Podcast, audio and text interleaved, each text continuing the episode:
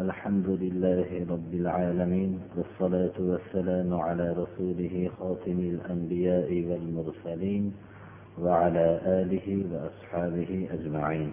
أما بعد السلام عليكم ورحمة الله. أعوذ بالله من الشيطان الرجيم.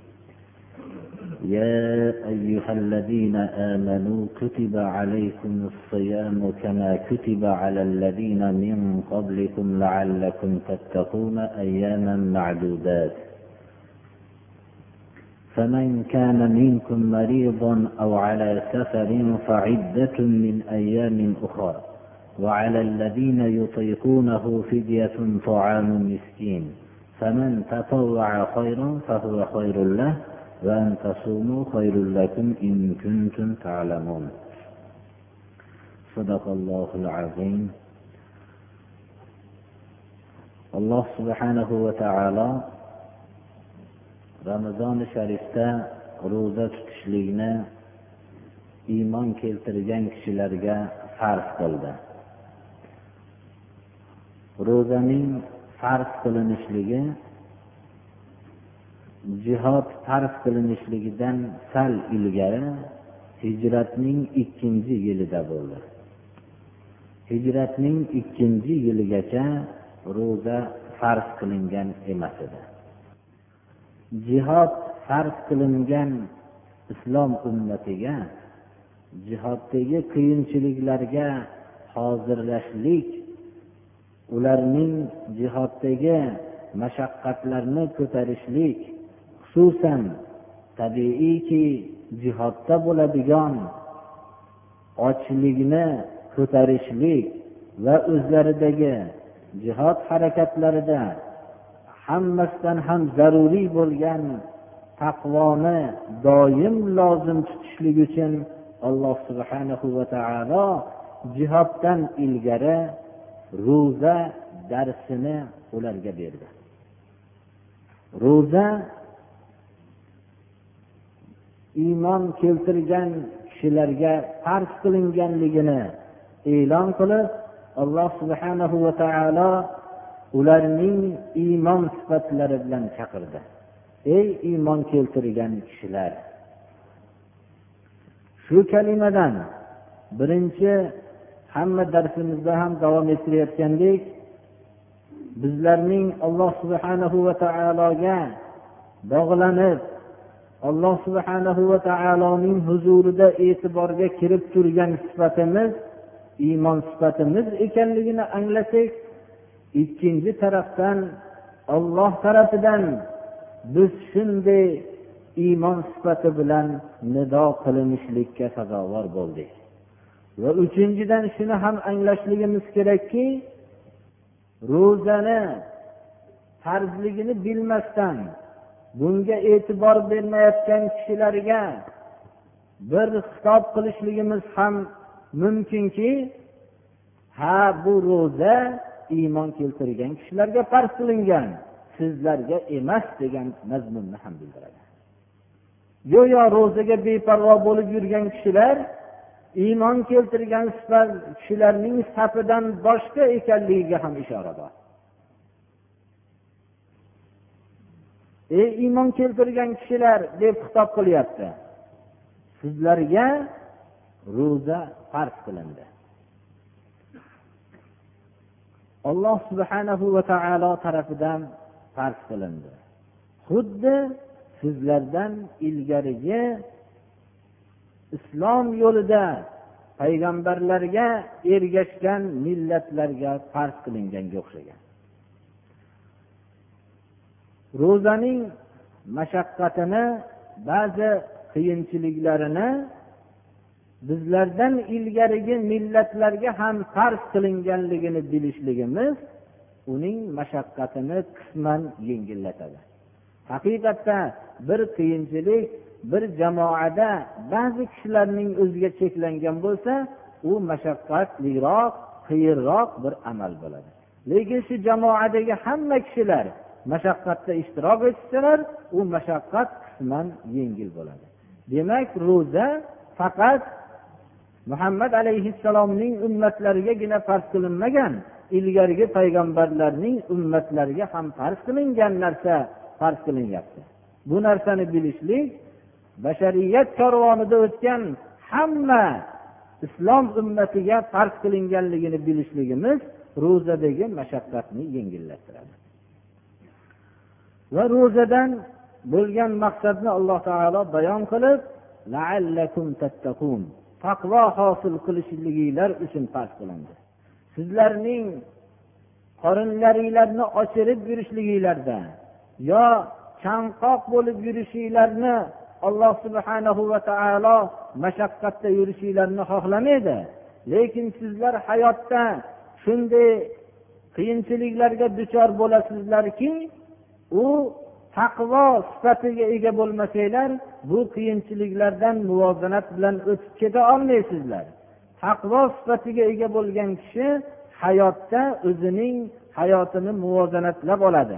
Shuning uchun ro'za farz qilindi xuddi sizlardan ilgarigi millatlarga farz qilinganga o'xshagan taqvo sifatiga ega bo'lishliginglar uchun.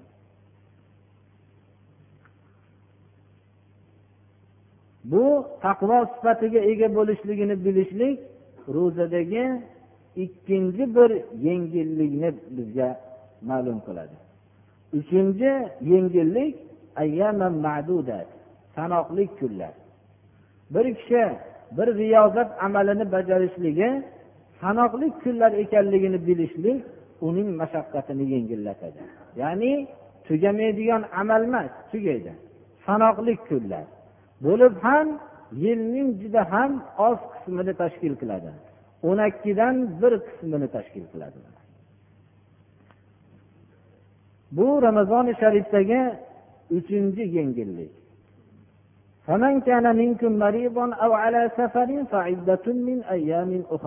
Bu yana bitta yengillik. Ichinglarda kim kasal bo'lsa yo safarda bo'lsa boshqa kunlarga ko'chirishligi ruxsat kasallikni ham umumiy keltirilyapti. Safarni ham umumiy keltirilyapti.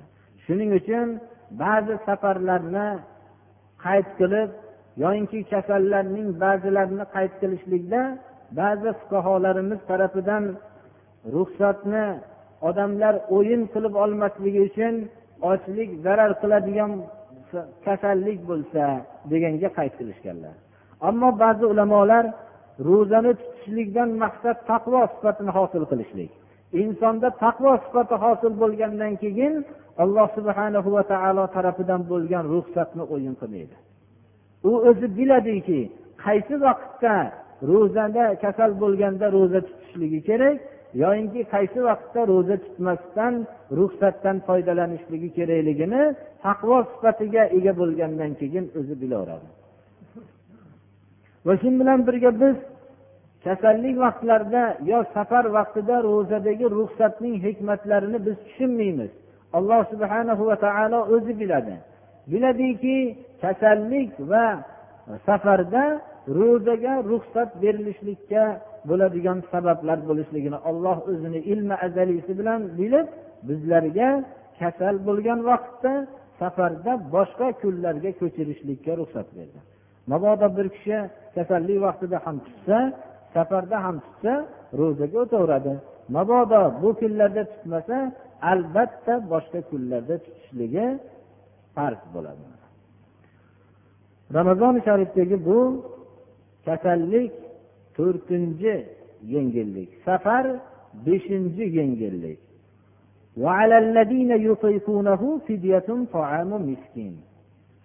Arab tilida itoqa deb qiyinchilik og'ir mashaqqat bilan ro'za tutmoqlikni aytadi.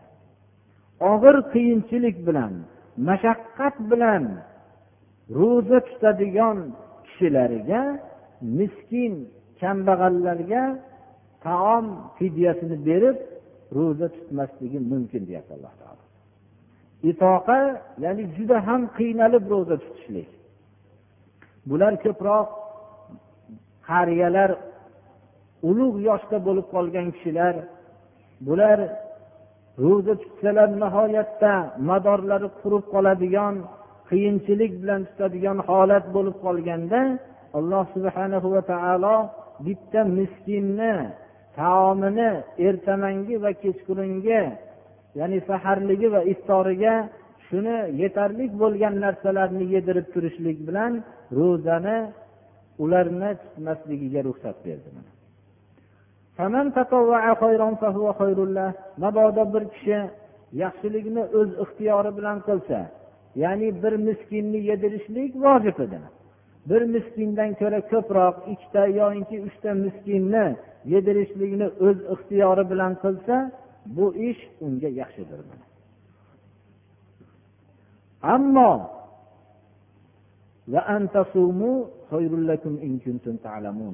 qiynalib ham ro'za tutishlik bu agar bilsanglar o'zinglarga yaxshidir deyapti alloh taolo.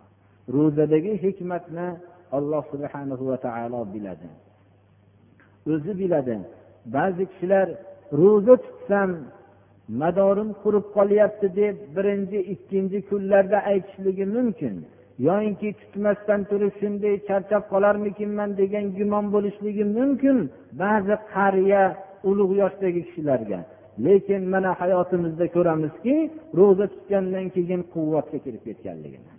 Bu bitta yaxshilik.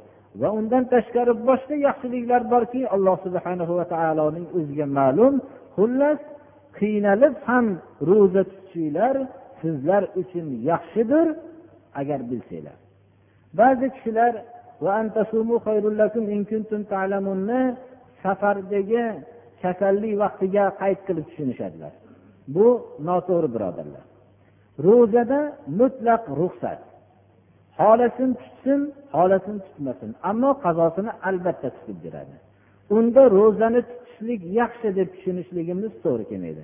Chunki payg'ambarimiz sollallohu alayhi vasallamdan hadis shariflar borki ba'zi safarlarda ro'zani tutmaganlarni maqtaganlar.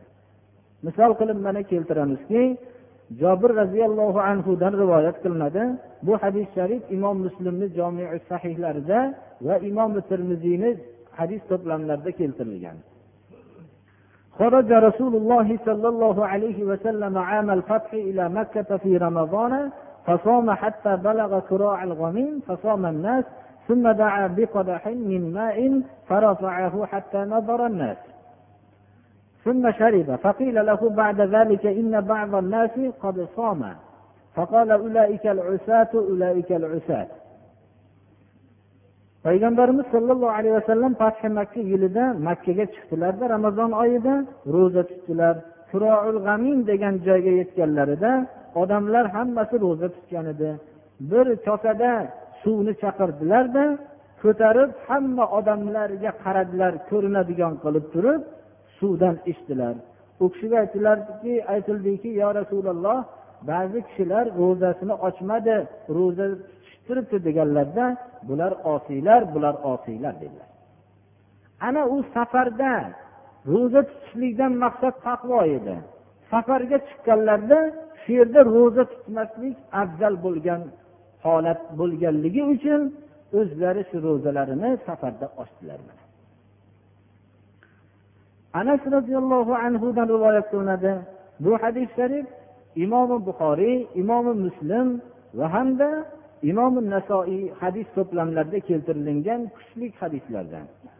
كنا مع النبي صلى الله عليه وسلم في سفر فمنا الصائم ومنا المفطر فنزلنا منزلا في يوم حار أكثرنا ظلا صاحب الكساء ومنا من يتقي الشمس بيده فسقط الصوام وقام المفطرون فضربوا الأبنية وسقوا الركاب فقال النبي صلى الله عليه وسلم ذهب المفطرون اليوم بالأجر payg'ambarimiz sollallohu alayhi vasallam bilan birga safarda edik deydilar anas ibn molik roziyallohu anhu ba'zilarimiz ro'za tutgan edik ba'zilarimiz ro'za tutmagan edik ramazoni sharifda safarda issiq kunda bir joyga tushdik Eng soyasi ko'p bo'lgan kishi albatta issiq kunda kishiga soya eng zarur narsa.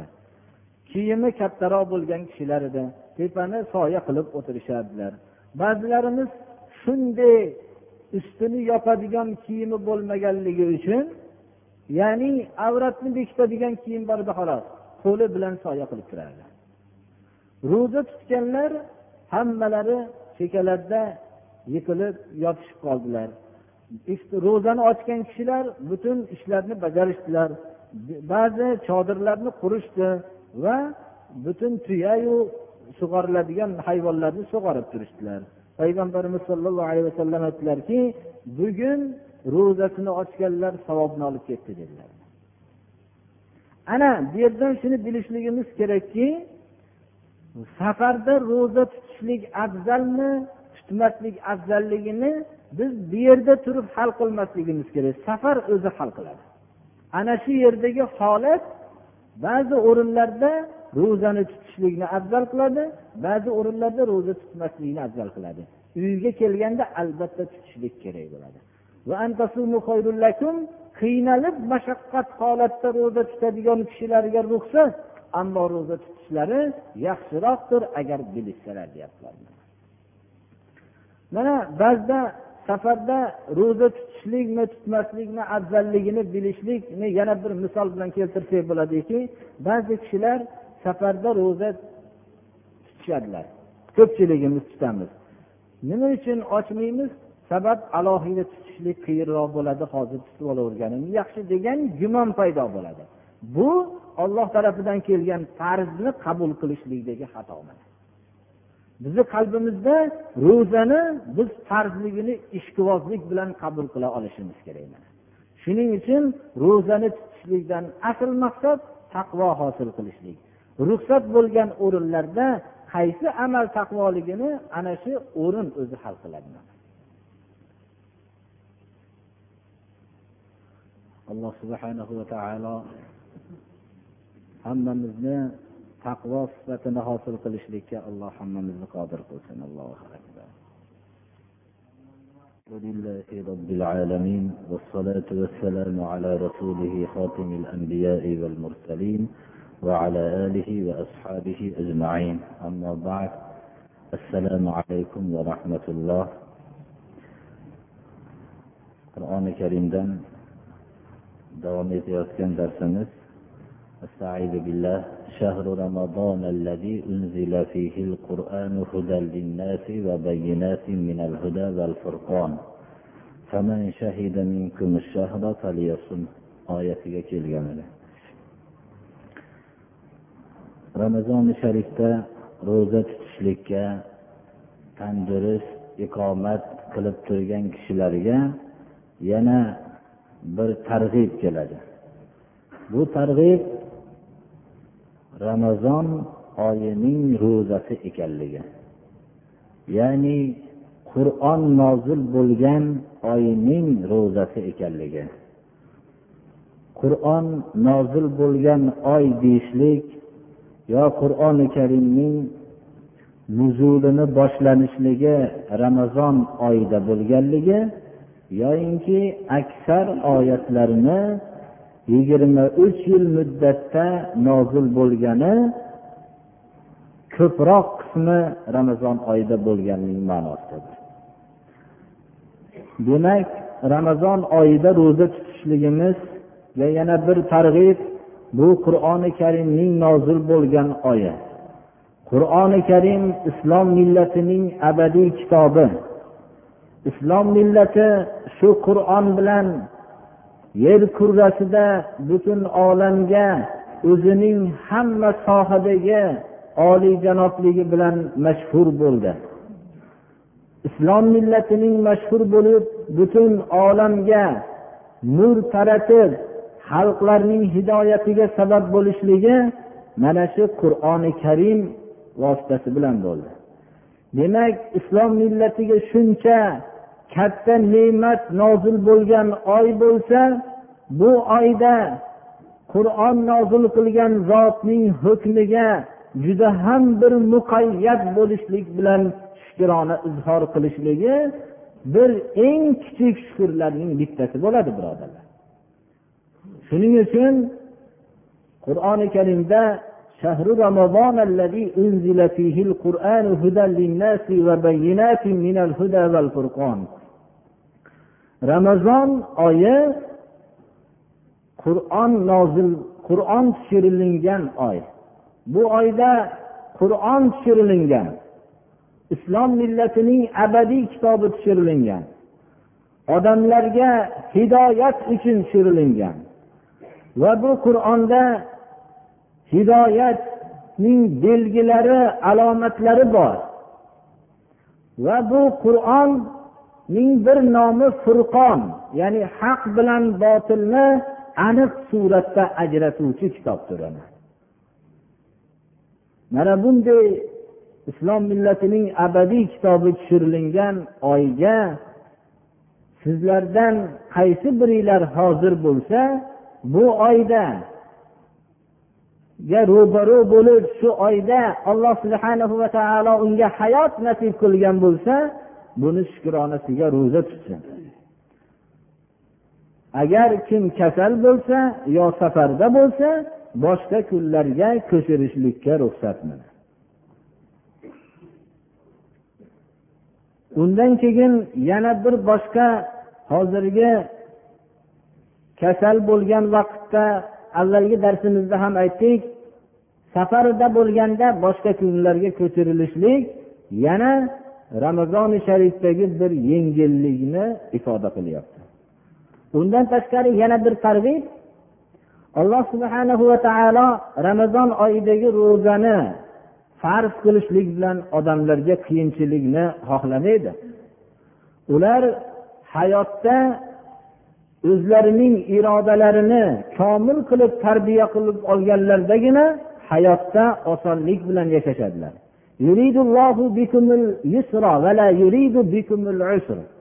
Olloh sizlarga osonlikni xohlaydi ro'zani farz qilishlik bilan. Qiyinchilikni xohlamaydi. Ramazoni sharifda ro'za tutgan kishi o'zidagi iroda quvvatini komila qilib oladi. Bu quvvat insonda komil bo'lganda u hayotdagi ba'zi qarama qarshiliklar oldida matonat bilan tura oladi. U qarama qarshiliklarni yengib o'tib ketishlik unga oson bo'lib qoladi. Ammo nafsiga qul bo'lib olgan odamchi nafsiga qul bo'lgan kishi ozgina hayotning to'lqiniga uchraganda o'zining insonlik fazilatini bemalol sotaveradi.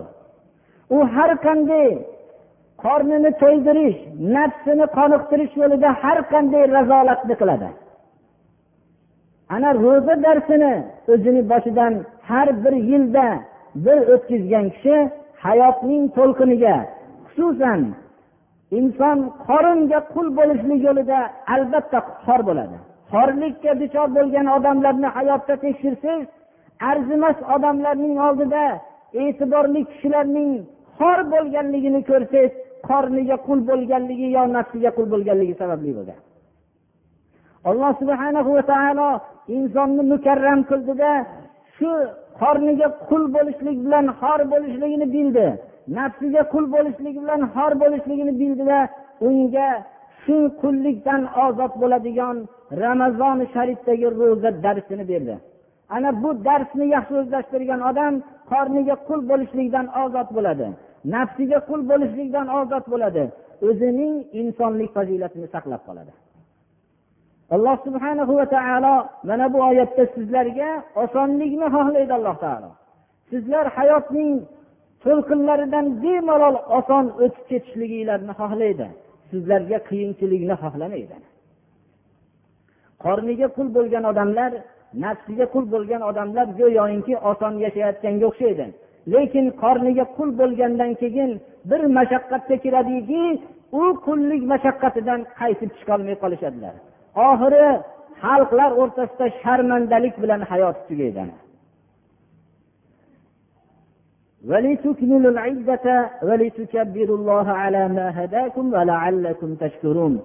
Kasallik sababli ramazoni sharifda ro'za tutolmagan kishilar va safarda bo'lganligi sababli ro'za tutolmagan kishilarning ramazon oyining kunlarini sonini komil qilishliklari albatta shart bunda.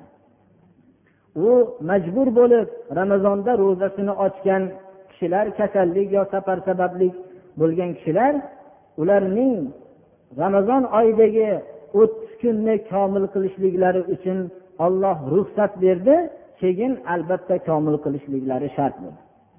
Va hamda olloh shunday to'g'ri yo'lga hidoyat qilganligiga ramazoni sharifda ollohni ko'p ulug'lab takbirlar aytishliklar uchun va hamda shunday abadiy saodat yo'lini ko'rsatgan qur'oni karimning sizlarga nozil bo'lganligiga shukur izhor qilishliginglar uchun.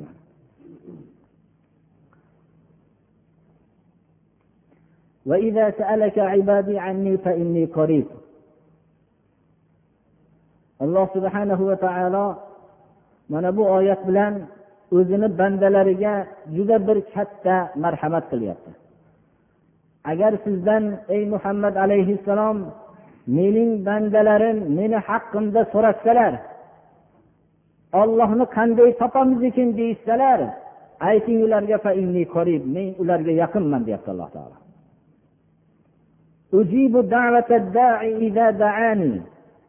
Duo qilgan soatida duo qiluvchining duosini ijobat qilaman deyapti alloh taolo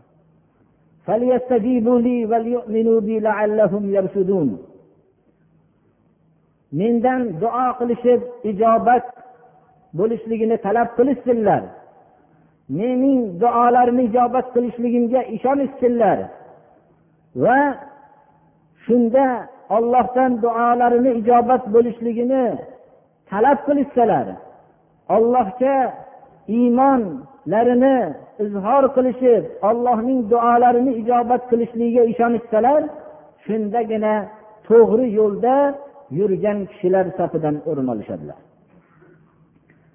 Mana bu oyat har birimiz uchun dars bo'lishligi kerakki olloh o'zining azaliy kitobida aytyaptiki bandalarim meni so'rashsalar men yaqinman deyapti bandalar vositalar qilishlikka muhtoj emas olloh aytyapti bandalar meni bandalarim deyapti bandalarim meni so'rashsalar men yaqinman deyapti duo qilishlari bilan ijobat qilaman deyaptilar lekin savol tug'iladiki duo qilamiz ko'p duolar qilamiz ijobatini hayotimizda ba'zida ko'rmaymizu degan qalblarda bir savol paydo bo'ladi.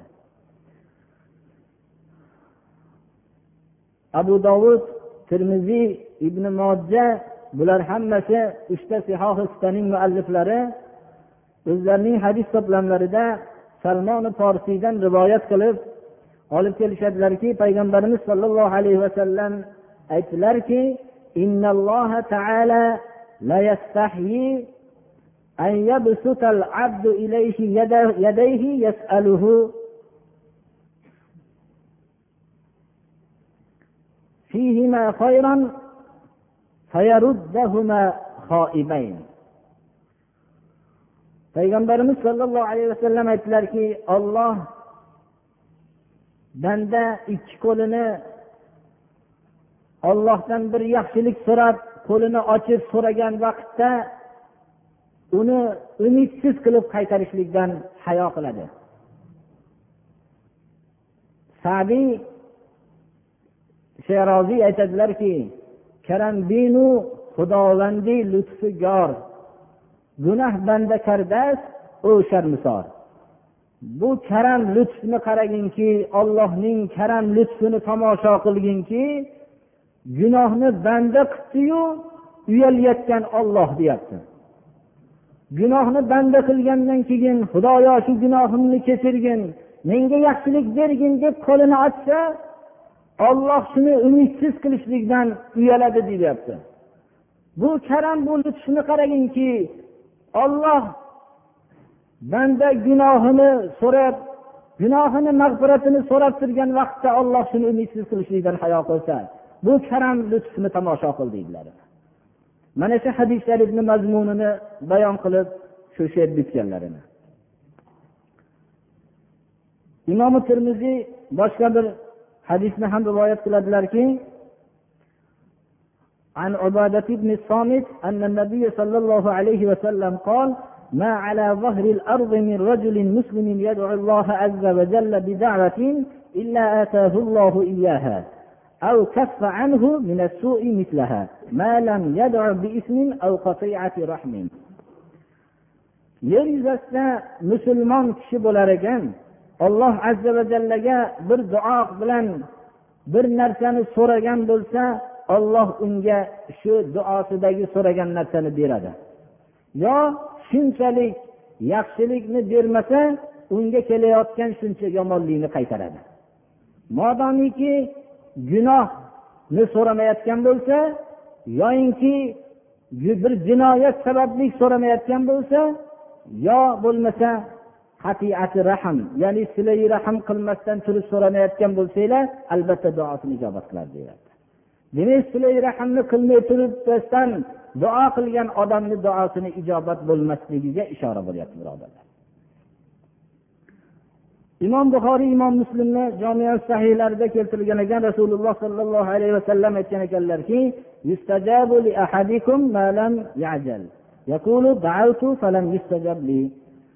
sizlarning bittalaringlarga ijobat qilinadi. Shoshilmasa. Shunda shoshilishlikni ma'nosini ifodalab aytdilarki duo qildim hech ijobat qilinmayapti deganligi shoshilganligi dedilar. Har bir narsaning eng yaxshi vaqti bo'lganga o'xshagan duo qilishlikni ham eng yaxshi vaqtlari bor ekan. Ro'zador kishi duo qiluvchi kishilarning ijobatga eng yaqini. Shuning uchun ro'zani zikri kelgan joyda alloh subhana va taolo duo qilishlikka buyuryapti mana bu oyatda. Abdulloh ibn umar roziyallohu anhudan rivoyat qiladilar.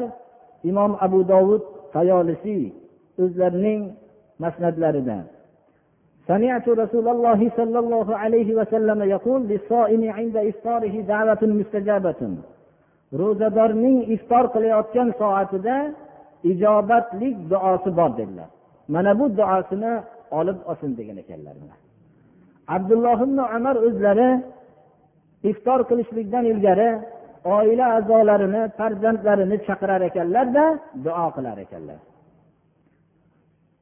Payg'ambarimiz sollallohu alayhi vasallamdan abdulloh ibn umar yana boshqa isnod bilan rivoyat qilib aytar ekanlarki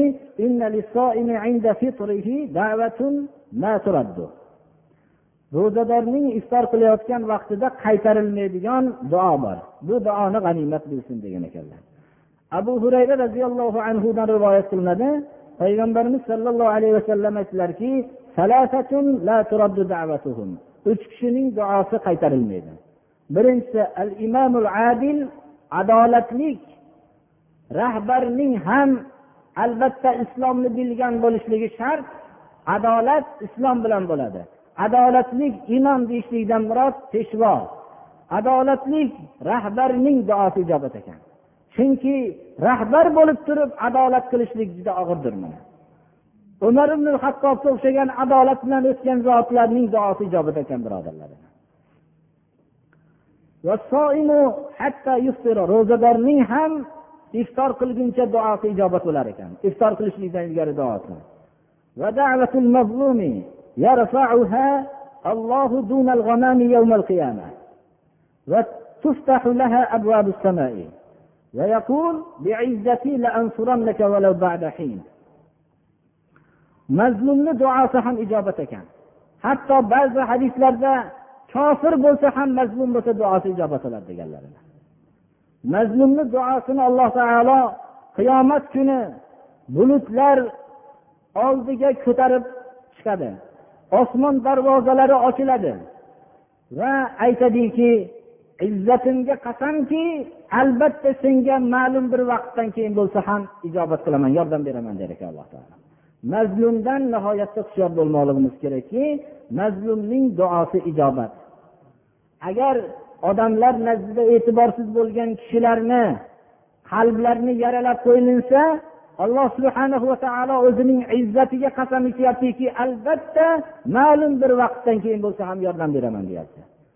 Shuning uchun bo'lsa kerak janobi rasululloh sollallohu alayhi vasallam og'ir bir g'azob og'ir bir ish ustida bo'lib qolsalar hamma ojiz ojizalarni noziralarni mazlumlarni chaqirib duo olib ketar ekanlar. Ana shunda aytar ekanlarki mazlumning duosi ijobat degan tarbiyai ilohiyani ostida shunday qilgan bo'lsalar kerak allohu alam. Alloh subhanahu va taolo hammamizni mana shu ramazoni sharifda bizlarni saodatimizga sabab bo'lgan nozil bo'lgan qur'onga amal qilishlikka alloh hammamizga tavfiq bersin.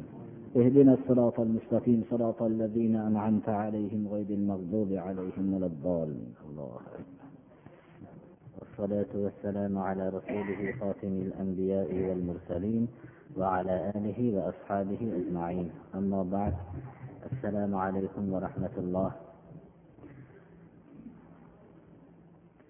alloh subhanahu va taolo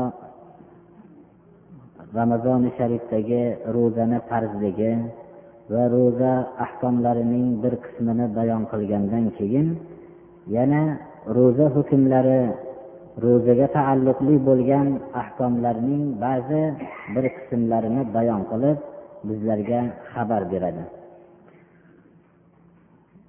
Ro'zada ro'zaning kecha qismlarida yemoq ichmoq va o'zining nikohidagi ayoli bilan mubosharada bo'lmoq va shu bilan birga ro'zaning tayin qilingan soati uni tong otgan vaqtidan boshlab to kun botguncha bo'lgan vaqtlarini tayin qiladi. Va shu bilan birga ramazoni sharifda e'tikof o'tirgan vaqtlarda masjidlarda bundagi uyidagi ba'zi e'tikofdan tashqarida bo'ladigan muomalalarning ba'zisini qilishlik mumkin emas ekanligini ham bayon qiladi أحل لكم ليلة الصيام الرفث إلى نسائكم هن لباس لكم وأنتم لباس لهن علم الله أنكم كنتم تختانون أنفسكم فتاب عليكم وعفى عنكم. فالآن باشروهن وابتغوا ما كتب الله لكم وكلوا واشربوا حتى يتبين لكم الخيط الأبيض من الخيط الأسود من الفجر. ثم أتموا الصيام إلى الليل ولا تباشروهن وأنتم عاكفون في المساجد. تلك حدود الله فلا تقربوها كذلك يبين الله آياته للناس لعلهم يتقون islom dini odamlarning inson ekanligini esdan chiqarmagan holatda va ularning insonlik tabiatlarini hisobga olgan holatda o'zining hukmlarini bayon qiladi boshqa maslaklarda bo'lsa insonni insonligi esdan chiqarilib ularni bir maloika tabiat qilib maloikalarni ham eng yaxshi hatto nafsi yo'q yeydigan ichmaydigan bir maxluq qilib ko'rsatiladi. Ko'p voqealarni ifodalovchi maqolalar hikoyalarni bir ko'rilsa ba'zi kishilarni shu darajada ta'riflab ortiqcha qilib tashlanadiki biror kasb egasini mabodo bir shu kasb egasini suratini ko'radigan bo'lsangiz u dunyodagi eng bir chang to'zonda ishlaydigan kishi bo'lishligiga qaramasdan pokiza biror bir a'zosiga chang yuqtirmaydigan kishi qilib ifodaladi islom dini insonning insonlik tabiatlarini hammasini hisobga olib turib shunga muvofiq buyruqlarni buyuraydi. Ramazoni sharifni farz qilinganni avvalida muboshara ya'ni muboshara o'zining nikohidagi ayoli bilan birga bo'lishlik ramazoni sharifning kechqurungi qismida mumkin emas edi. Yemoq ham mumkin emas edi ichmoq ham mumkin emas edi mabodo iftordan keyin uxlab qolsa. Iftor qilgandan keyin uxlab qolsa yemoq mumkin emas edi.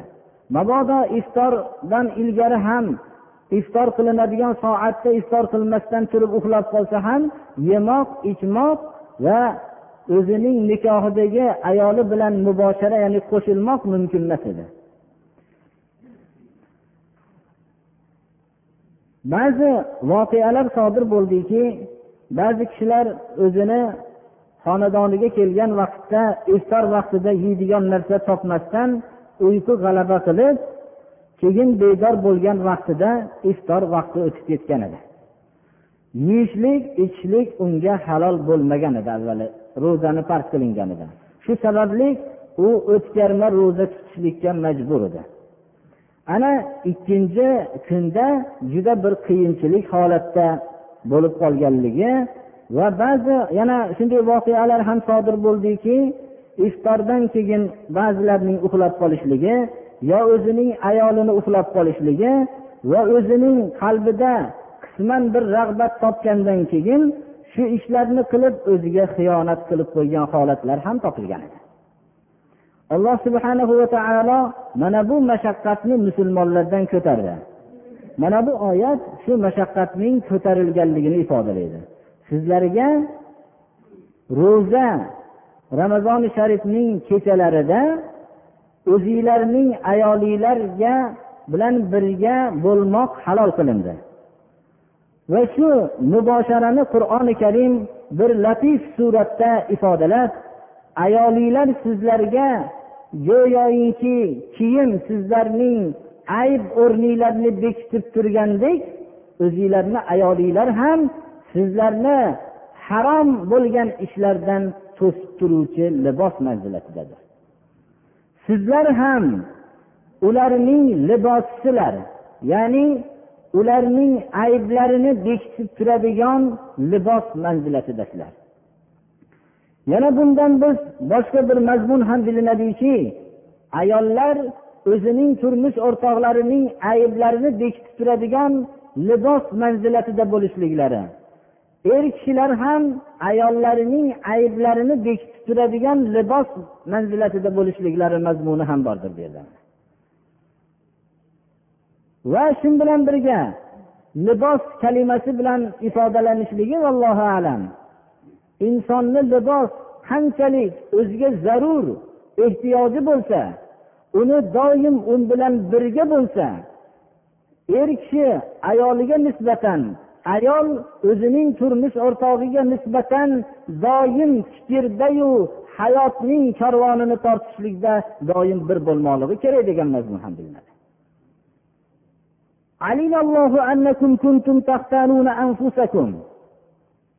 olloh bildi sizlar o'zinglarga xiyonat qilib qo'yishinglarni ya'ni yemoq ichmoq va mubosharaga bo'lgan ehtiyojini ramazoni sharifning iftor vaqtidan keyin shunga bo'lgan ehtiyojni bilib shunda xiyonat qilib qo'yishinglarni bildida sizlardan bu mashaqqatni ko'tardi. Shu ish sodir bo'lgan kishilarni gunohlarini kechirdi. Sizlarni kechirdi.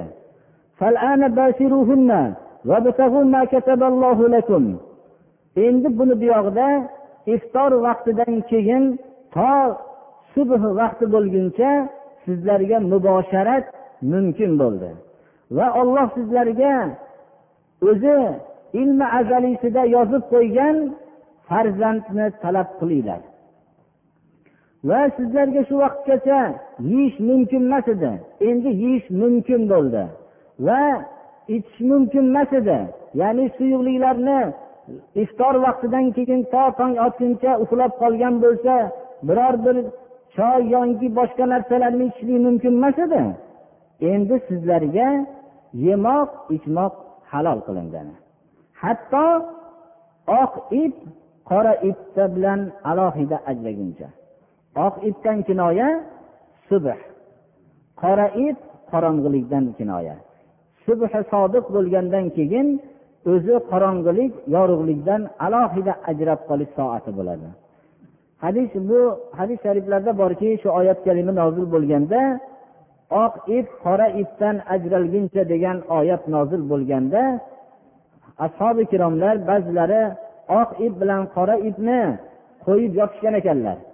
Agar ertaman turishib oq ip bilan qora ipni ajratishlik shunday vaqti soati bo'lguncha qarab tekshirishar ekanlar. Keyin oyat nozil bo'ldiki minal fajr. Bu oq ipdan kinoya qilingan narsa tong ekanligini bayon qilindi ro'zani kun botguncha ya'ni kech vaqtgacha sizlar tamomiga yetkazinglar.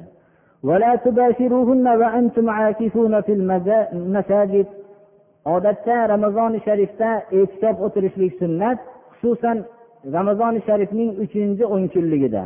Chunki inson uchinchi o'n kunligida yigirma kun ibodat qilib farz amallarni bajargandan keyin o'zida qandaydir allohga bir yaqinlik hosil bo'lganda bu yaqinlikni g'animat bilib yana ham robbil alaminga yaqinroq bo'lib ko'proq ibodat qilishligi sunnat bo'ldi. Payg'ambarimiz sollallohu alayhi vasallam ramazoni sharifning uchinchi o'n kunligida e'tikof o'tiradilar. E'tikofdagi ba'zi hukmlarni bayon qilib masjidlarda e'tikofda o'tirgan holatinglarda o'zinglarning ayolinglar bilan muboshara qilishliginglar mumkin emas deb bayon qildi alloh taolo. Tilka hududulloh bu ollohning ko'rsatib qo'ygan chegaralari ko'rsatmalari. Bu chegaralarga yaqin bormanglar. Chegaralarga yaqin borgan odam chegarani bosib ketishligi mumkin bo'ladi.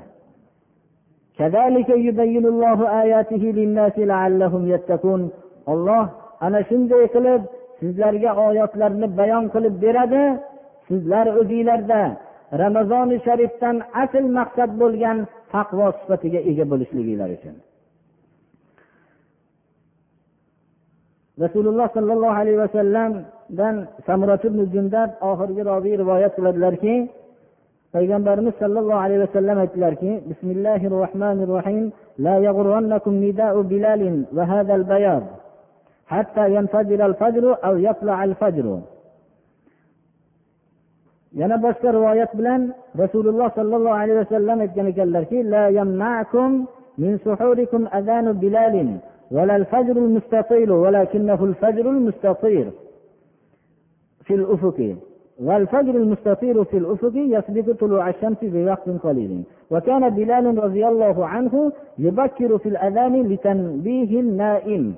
وكان ابن أم مكتوم يؤذن متأخرا للإمساك. وإلى هذا كانت الإشارة إلى أذان بلال. samratun jundabdan rivoyat qilingan hadisni mazmuni shuki bilolning ozoni sizlarni mag'rur qilib ya'ni yemoqdan to'xtatib qo'ymasin bu yorug'likning birinchi subhi kozib deyiladi. Uzun yorug'lik ham sizlarni yemoqdan to'xtatib qo'ymasin dedilar. Boshqa rivoyatlarda sizlarni saharliginglardan bilolning azoni to'smasin va uzun subh ham to'smasin. Lekin ufqqa yoyilgan yorug'lik bo'lgan subh mana bunda yemoq ichmoq mumkin bo'lmaydi subhi sodiq deymiz buni. Bilol roziyallohu anhu azonni barvaqt aytar ekanlar. Uxlab qolganlarni uyg'otishlik uchun aytar ekanlar. Saharlikka uyg'otishlik uchun azon aytar ekanlar. Shuning uchun bu azon sizlarni yeyotgan saharliginglardan to'sib qo'ymasin dedilar. Abdulloh ibn ummi maktum amo bu kishi odamlarni saharlikdan to'xtatishlik uchun azon aytar ekanlar. Shuning uchun mana ba'zi viloyatlarda azonni ikkita aytilinadi. Biz ham bu yil ramazonda ikkita ozon ayttirmoqchi edik lekin odamlar tushunmay qolishmasinlar deb turib azon ayttirilmadi. Birinchi azon mana hamma taraflardan azon eshitilyapti odamlarni saharlikka uyg'otishlik uchun azon aytilsa ikkinchisi saharlik bo'ldi deganni e'lon qilgani aytilinishlik mana hadis shariflarda bor mana. Shuni ramazoni sharifda bir azonni aytilmoqchi edi. Lekin ko'pchilik yana tushunmasdan azonni ikkita aytilyapti degan har xil bir fikrlar paydo bo'lib qolishligidan to'xtalib shuni aytmadik. Inshaalloh alloh nasib qilsa esimizdan chiqib qolmasa alloh salomat qilsa ramazoni sharifda shu azonni ikkita aytilishligiga harakat qilamiz inshaalloh. Ana bu yerda ramazoni sharifga taalluqli bo'lgan hukmlarni ba'zisini aytilingandan keyin yemoq ichmoqqa ruxsat bo'lganligi munosabati bilan alloh subhanahu va taolo odamlarning mollarini nohaqlik bilan yeyishlikdan man qilyapti ولا تأكلوا أموالكم بينكم بالباطل وتدلوا بها إلى الحكام لتأكلوا فريقا من أموال الناس لعلهم لتأكلوا فريقا من أموال, أموال الناس بالإثم وأنتم تعلمون o'zaro moliylarni nohaqlik bilan yemanglar. Oldi sotdilarda nohaqlik bilan bir biringlarni moliylarni yemanglar. Mo'min birodarlarini molini nohaqlik bilan foydalanishlikni alloh subhana va taolo nohaqlik bilan tortib olib yeyish manzilatida zikr qilyapti. Va bu mollarni hokimlar oldiga olib chiqmanglar odamlarning mollarini bir qismini o'zinglar bilib turgan holatda jinoyat bilan yeyishinglar uchun. Ibn kasir shu oyatning tafsirida keltiradilarki bu oyat abdulloh ibn abbosdan rivoyat qilib keltiradilarki abdulloh ibn abbos aytgan ekanlar bu bir kishi haqidagi birovdan qarzi bor edi. Birovning haqqi bor edi. Lekin bu haqni berganligiga hujjati yo'q edi. Hujjat yo'qligidan foydalanib meni qarzim yo'q deb inkor qilgan kishi. Va husumat qilishadi. Hujjating bormi menga bergan molingga deb hokimlar oldiga husumatlashib boradi. Haqiqatda u odam bunga ishonganligidan hujjat istamasdan hujjatni o'ylamasdan bergan edi. O'zi ana hokim oldida nihoyatda tildor bo'lganligi uchun bu menga tuhmat qilyapti deb har xil narsalarni gapirib o'zining qarzi yo'q ekanligini isbotlamoqchi bo'ladi. Vaholanki o'zini qarzi bor edi. O'zi biladiki haq talab qilayotgan odamda ekanligini qarzi borligini biladi. Mana bu narsani alloh subhana va taolo qur'oni karimda o'zinglarni molinglarni o'zaro o'rtanglarda nohaqlik bilan yemanglar. Uni hokimlar oldiga yaqinlashtirib ko'tarib olib borib odamlarning mollarini bir qismini gunoh deyapti rasululloh sollallohu alayhi vasallamdan rivoyat qilinadiki ummu salam onamiz rivoyat qiladilar. Imom buxoriy va imom muslimda keltirilgan aytdilarki ana basharun va innama ya'tini al-khasmu fala'alla ba'dakum an yakuna alhana bi hujjatihi min ba'din فأقضي له فمن قضيت له مسلم فإنما هي قطعة من نار فليحملها أو ليذرها rasululloh sollallohu alayhi vasallam aytdilarki men insonman dedilar meni oldimga ba'zi haqlarini talashib keluvchi kishilar keladi mumkinki ba'zi kishilar ba'zi kishilardan nutqliroq bo'lishligi mumkin. Gapga ustaligi sababli men nohaq bir hukm qilib qo'yishligim mumkin hujjati yo'qligi sababli bilan. Men ham insonman dedilar. Qaysi bir odam bir odamni haqqini nohaq talab qilib men unga hukm qilgan bo'lsam uni hujjat yo'qligidan hujjat hech kimda yo'qligidan biror odamni gapi menga ta'sirlanib unga nohaq hukm qilib qo'ygan bo'lsam shuni yaxshi bilsinki olgan narsasi do'zaxning bir o'ti dedilar.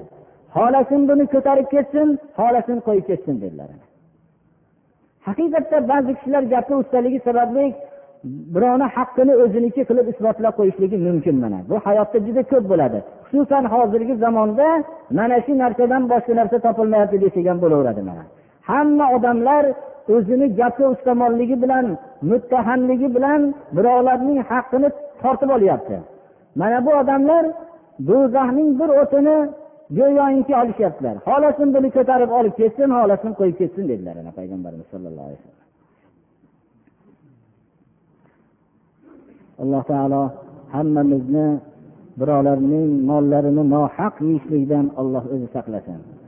Mana haqiqatni e'lon qilmasdan ba'zi so'zlarni bekitib birodarlar odamlarga bu haqlarni aytsak kelayotgan daromadlar to'xtab qoladi degan narsalar ham odamlarning mollarini nohaq yeyishlikni bir surati birodarlar shuning uchun odamlarni orasida yolg'on soxta gaplar bilan obro' topib qolishlik yana undan tashqari haqiqatni bekitib obro' topib qolishlikdan olloh saqlasin اهدنا الصراط المستقيم صراط الذين أنعمت عليهم غير المغضوب عليهم ولا الضالين الله أكبر